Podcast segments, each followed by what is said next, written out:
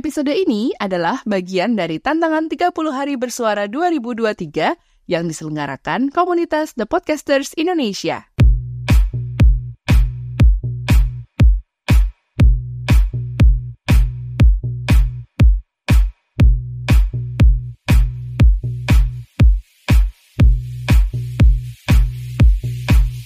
Hai, hello, Assalamualaikum warahmatullahi wabarakatuh. Selamat satu minggu di bulan Desember. Gimana rasanya? Aku yakin pasti masih semangat ya Bu Ibu ya. Dan semoga semangatnya nggak akan menurun sampai nanti jelang akhir tahun. Jangan kasih kendor Bu, ayo lanjut. Di bulan penghujung akhir tahun ini biasanya selain disibukkan dengan persiapan liburan panjang ya Bu ya, juga diingatkan buat melihat proyeksi hidup kita di tahun depan. Tapi nggak cuma itu, banyak juga yang uh, mengajak kita buat ngelihat kembali hidup kita itu setahun ke belakang. Siapa yang ngajak? Ya sepatutnya sih diri kita sendiri, mengajak diri sendiri gitu nggak usah nunggu diajak orang lain, dan nggak perlu nunggu diingetin sama orang lain juga. Nah, sebelum kita move on ke tahun yang baru, tentu ada baiknya kita melihat ke belakang, mengevaluasi hidup kita sendiri. Bahasa kerennya adalah melakukan refleksi, bukan pijet ya. Bu Ibu pasti sering denger dong kata itu, refleksi. Jadi udah gak asing lagi ya jika saat ini bisa jadi waktu yang tepat untuk berefleksi diri. Aku temenin ya, tetap di sini bareng aku Ibu Inung dalam podcast Bu Ibu. Podcast Bu Ibu. Podcast Bu Ibu by Ibu Inung. Podcast Bu Ibu by Ibu Inung.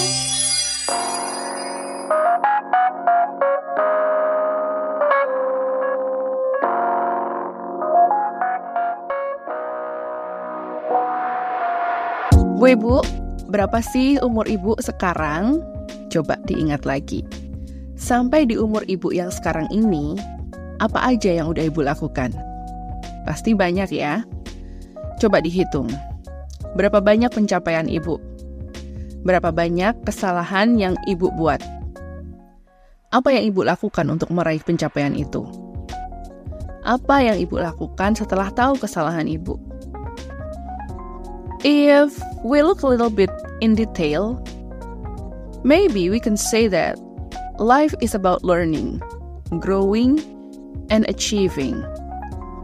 But life is also about making mistakes and failures. Nah, dari dua hal itu, kegagalan dan kesuksesan adalah belajar ada di antaranya. Bahkan proses belajarnya ini seringnya panjang, sebelum akhirnya kita meraih sesuatu. Bahkan kadang tersandung kegagalan yang bikin kita belajar lagi. Tapi karena kita ini golongan emak-emak ya, yang merupakan ras terkuat di bumi ini, tentu kita selalu bisa menyalakan kembali tombol survival mode kita. Mau segede apa pun batu di depan jalan kita, kita itu akan berusaha untuk melewati jalan itu. Entah kita akan nyingkirin batunya sendiri atau dengan bantuan orang lain. Entah batunya ditempelin dinamit biar pecah jadi kecil-kecil. Entah batunya dimaki-maki, dijulitin sampai kupingnya panas terus nyerah minggir sendiri. atau just simply kita cari jalan lain yang gak ada batu di tengah-tengahnya. Intinya emak-emak itu selalu bisa putar otak, harus bisa gitu loh kalau kata boys band One Direction tuh one way or another. Alias dalam bahasa Jawa, boh piye carane kudu iso gitu. Kalau kata oni-oni Korea, iso raiso, halsu iso. nah, pernahkah ibu kemudian melakukan refleksi atas itu semua? Bu Ibu, dalam kehidupan kita pasti pernah mengalami kejadian yang membuat kita merefleksikan diri dan tindakan kita ya. Refleksi sendiri itu punya arti cerminan, pantulan. Ini berasal dari kata reflection. Tapi bukan berarti ibu itu hanya berdiri di depan cermin, terus bilang ke cerminnya, Mirror, mirror on the wall, who's the prettiest of all? Nggak gitu. Emangnya kita Maleficent? Enggak ya? Maksudnya tuh kita bercermin pada apa-apa yang pernah kita lakukan dahulu gitu loh. Kita jeda sejenak segala kegiatan dan rencana-rencana ke depan kita untuk kemudian berdiam, memikirkan dan merenungkan kembali segala hal yang terjadi pada diri kita. Seperti saat kita membuat kesalahan atau mengalami kegagalan, maka kita itu perlu buat merenung. Tujuannya apa sih? Ya, biar kita bisa membuat perubahan gitu loh, agar ke depannya itu nggak mengulangi kesalahan yang sama. Gampangnya seperti itu. Jadi kita itu melakukan evaluasi ya, mana-mana aja yang udah on track kita ngerjainnya dan mana-mana aja yang offside. Terus evaluasi lagi mana-mana aja yang udah terlaksana rencana-rencananya, mana-mana aja yang belum. Dan sekaligus juga evaluasi mana-mana aja yang udah terwujud mimpi atau harapan kita di tahun ini, mana yang belum. Mana yang berhasil, mana yang gagal. Kira-kira seperti itu. Nah, Refleksi ini nggak harus dari hal yang besar sifatnya. Misal nih, dulu di awal tahun kita ngeset sebuah goal bahwa di tahun ini bisa umroh. Eh, ternyata belum terlaksana sampai akhir tahun ini menjelang gitu ya. Tapi sebenarnya refleksi ini bisa dimulai dari yang paling sederhana dulu. Misalnya, uh, tahun ini ibu ngeset goal bahwa harus bertambah skill memasak di dapur. Dan ternyata setelah di recall ya, diingat-ingat kembali, ternyata di bulan Maret yang lalu ibu sudah bisa bikin bomboloni. Oh, di bulan Juli ibu juga udah bisa bikin chiffon keju. Dan ternyata di bulan November kemarin nih udah bisa bikin arem-arem isi sambal goreng ati. Misalnya seperti itu. Nah, Hal-hal ini bisa Ibu catat dalam nota keberhasilan atau pencapaian Ibu. Ya, jadi memang goal yang awalnya Ibu set itu ternyata sudah ada terwujud gitu. Tapi ternyata ada banyak kegagalannya juga misalnya. Contoh selama belajar masak, Ibu bikin adonan takoyaki gagal terus. Atau selama belajar bikin lapis rainbow, selalu nggak bagus misalnya. Nah, ini ibu ingat juga dan catat. Kenapa kok gagal? Apa kurang lama ngaduknya selama proses itu? Apakah adonannya itu terlalu encer? Apakah pewarnanya kurang sehingga warnanya butek misalnya kayak gitu. Nah, dari sini ibu bisa tahu letak kesalahannya tuh di mana. Dan kalau ibu itu masih kekeh harus bisa menguasai itu, ya ini akan bisa jadi acuan untuk merubah satu atau dua hal faktornya agar nggak terjadi lagi kesalahan atau kegagalan yang serupa. Tapi kalau memang ibu sendiri sudah merasa, ya udahlah, kayaknya emang susah banget, aku nyerah aja. Iya, nggak masalah juga sih, Bu. Toh ini kan bukan tentang memuaskan siapa pun ya. Ini sebenarnya tentang ibu sendiri loh. It's all about you. Kalau ibu merasa belum bisa terpuaskan rasa lapar akan keberhasilan itu, ya ayo maju terus. Seperti yang aku bilang tadi, boh piye carane pokok men kudu iso, gitu loh. Ini bagus, ini bagus banget. Berarti daya juang ibu tuh bertambah seiring dengan waktu. Coba ibu bandingkan dengan saat ibu pertama belajar masak-masak di dapur. Tanpa ibu sadari, semangat dan daya juang ibu di dapur itu bertambah kan? makin tebal dan makin kuat kan? Nah, inilah yang disebut refleksi. Setelah ibu bercermin kembali, ibu tuh jadi sadar, oh iya ya. Banyak ibu yang gak menyadari value dirinya hingga pada suatu masa ibu itu terhantam oleh sesuatu yang mengharuskan berada dalam survival mode atau mengaktifkan defense mekanismenya kadang memang harus ada badai yang datang ke kita agar kita itu bisa lebih bijak menghadapinya.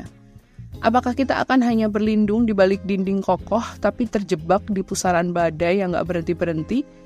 Atau kita cukup berani menerjang badai dengan menggerakkan kemudi, dengan manuver tertentu supaya bisa keluar dari badai itu. Coba diingat lagi, Bu. Pilihan mana yang sering Ibu ambil? Dan ketika Ibu ambil pilihan itu, apa yang terjadi? Mudahkah Ibu bertahan dalam badai? Apa efeknya ke Ibu?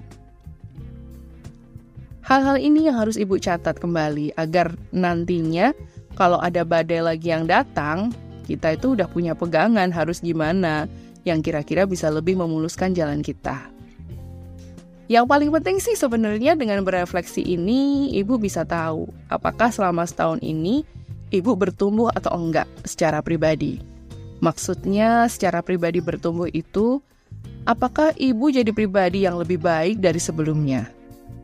Apakah lebih bijaksana? Apakah jadi lebih ceria? Apakah jadi lebih gampang bikin keputusan? Apakah jadi lebih positive thinking? Contohnya seperti itu. Apakah udah sering ambil keputusan untuk ibu lebih bisa mengaktualisasi diri? Misalnya jadi lebih sering berorganisasi atau berkomunitas. Jadi lebih sering dimintai pendapat di forum sharing ibu-ibu gitu. Jadi pembicara barangkali. Lalu hubungan dengan anak dan pasangan gimana? Kita evaluasi juga. Apakah di tahun ini ada pernah gagal paham sama maunya anak? Kira-kira kenapa ya? Apakah pernah bertengkar hebat dengan pasangan? Kira-kira kenapa ya? Kemarin solusinya gimana ya? Kok bisa baikan lagi?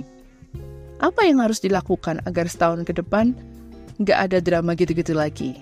Nah, ini semua bisa jadi bahan refleksi Bu Ibu. Jadi nggak harus yang uh, diawali dengan mimpi yang besar, kayak misalnya tahun ini harus umroh, tahun ini haji, tahun ini uh, punya rumah, tahun ini beli mobil, tapi ternyata semua gagal dan kita mengevaluasi hanya dari situ aja gitu. Nggak harus seperti itu, tapi bisa dimulai dari hal-hal yang kecil.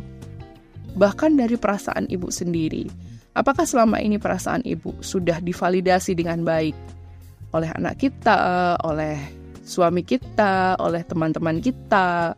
Apakah ibu jadi orang yang lebih bisa mengelola emosi dengan baik tahun ini? Apakah kesehatan mental ibu jadi lebih baik tahun ini? Itu hal-hal yang sebenarnya sangat bisa kita refleksikan. Jadi nggak harus yang gede-gede dulu, enggak gitu. Emang itu, ya emang itu lebih kelihatan ya, lebih bisa langsung direfleksi gitu. Tapi sebenarnya hal-hal yang sangat sederhana yang berhubungan sama diri kita sendiri itulah yang harus kita refleksi terlebih dahulu. I give you some steps on how we conduct this reflection activities ya Bu ya. First, Ibu bisa mencatat dan melihat perkembangan yang ada. And then appreciate it. Ya, kita harus apresiasi itu dulu. Nggak harus dengan menghadiahi diri dengan kado-kado materi yang berlebihan, tapi mungkin bisa lebih ke arah bersyukur dan mengucapkan ke diri sendiri, kamu hebat, terima kasih ya diri, sudah kuat dan menjadi hebat. Misalnya seperti itu. Lalu untuk kegagalan atau hal-hal yang belum terlaksana, kita bisa identifikasi apa-apa aja, faktornya apa.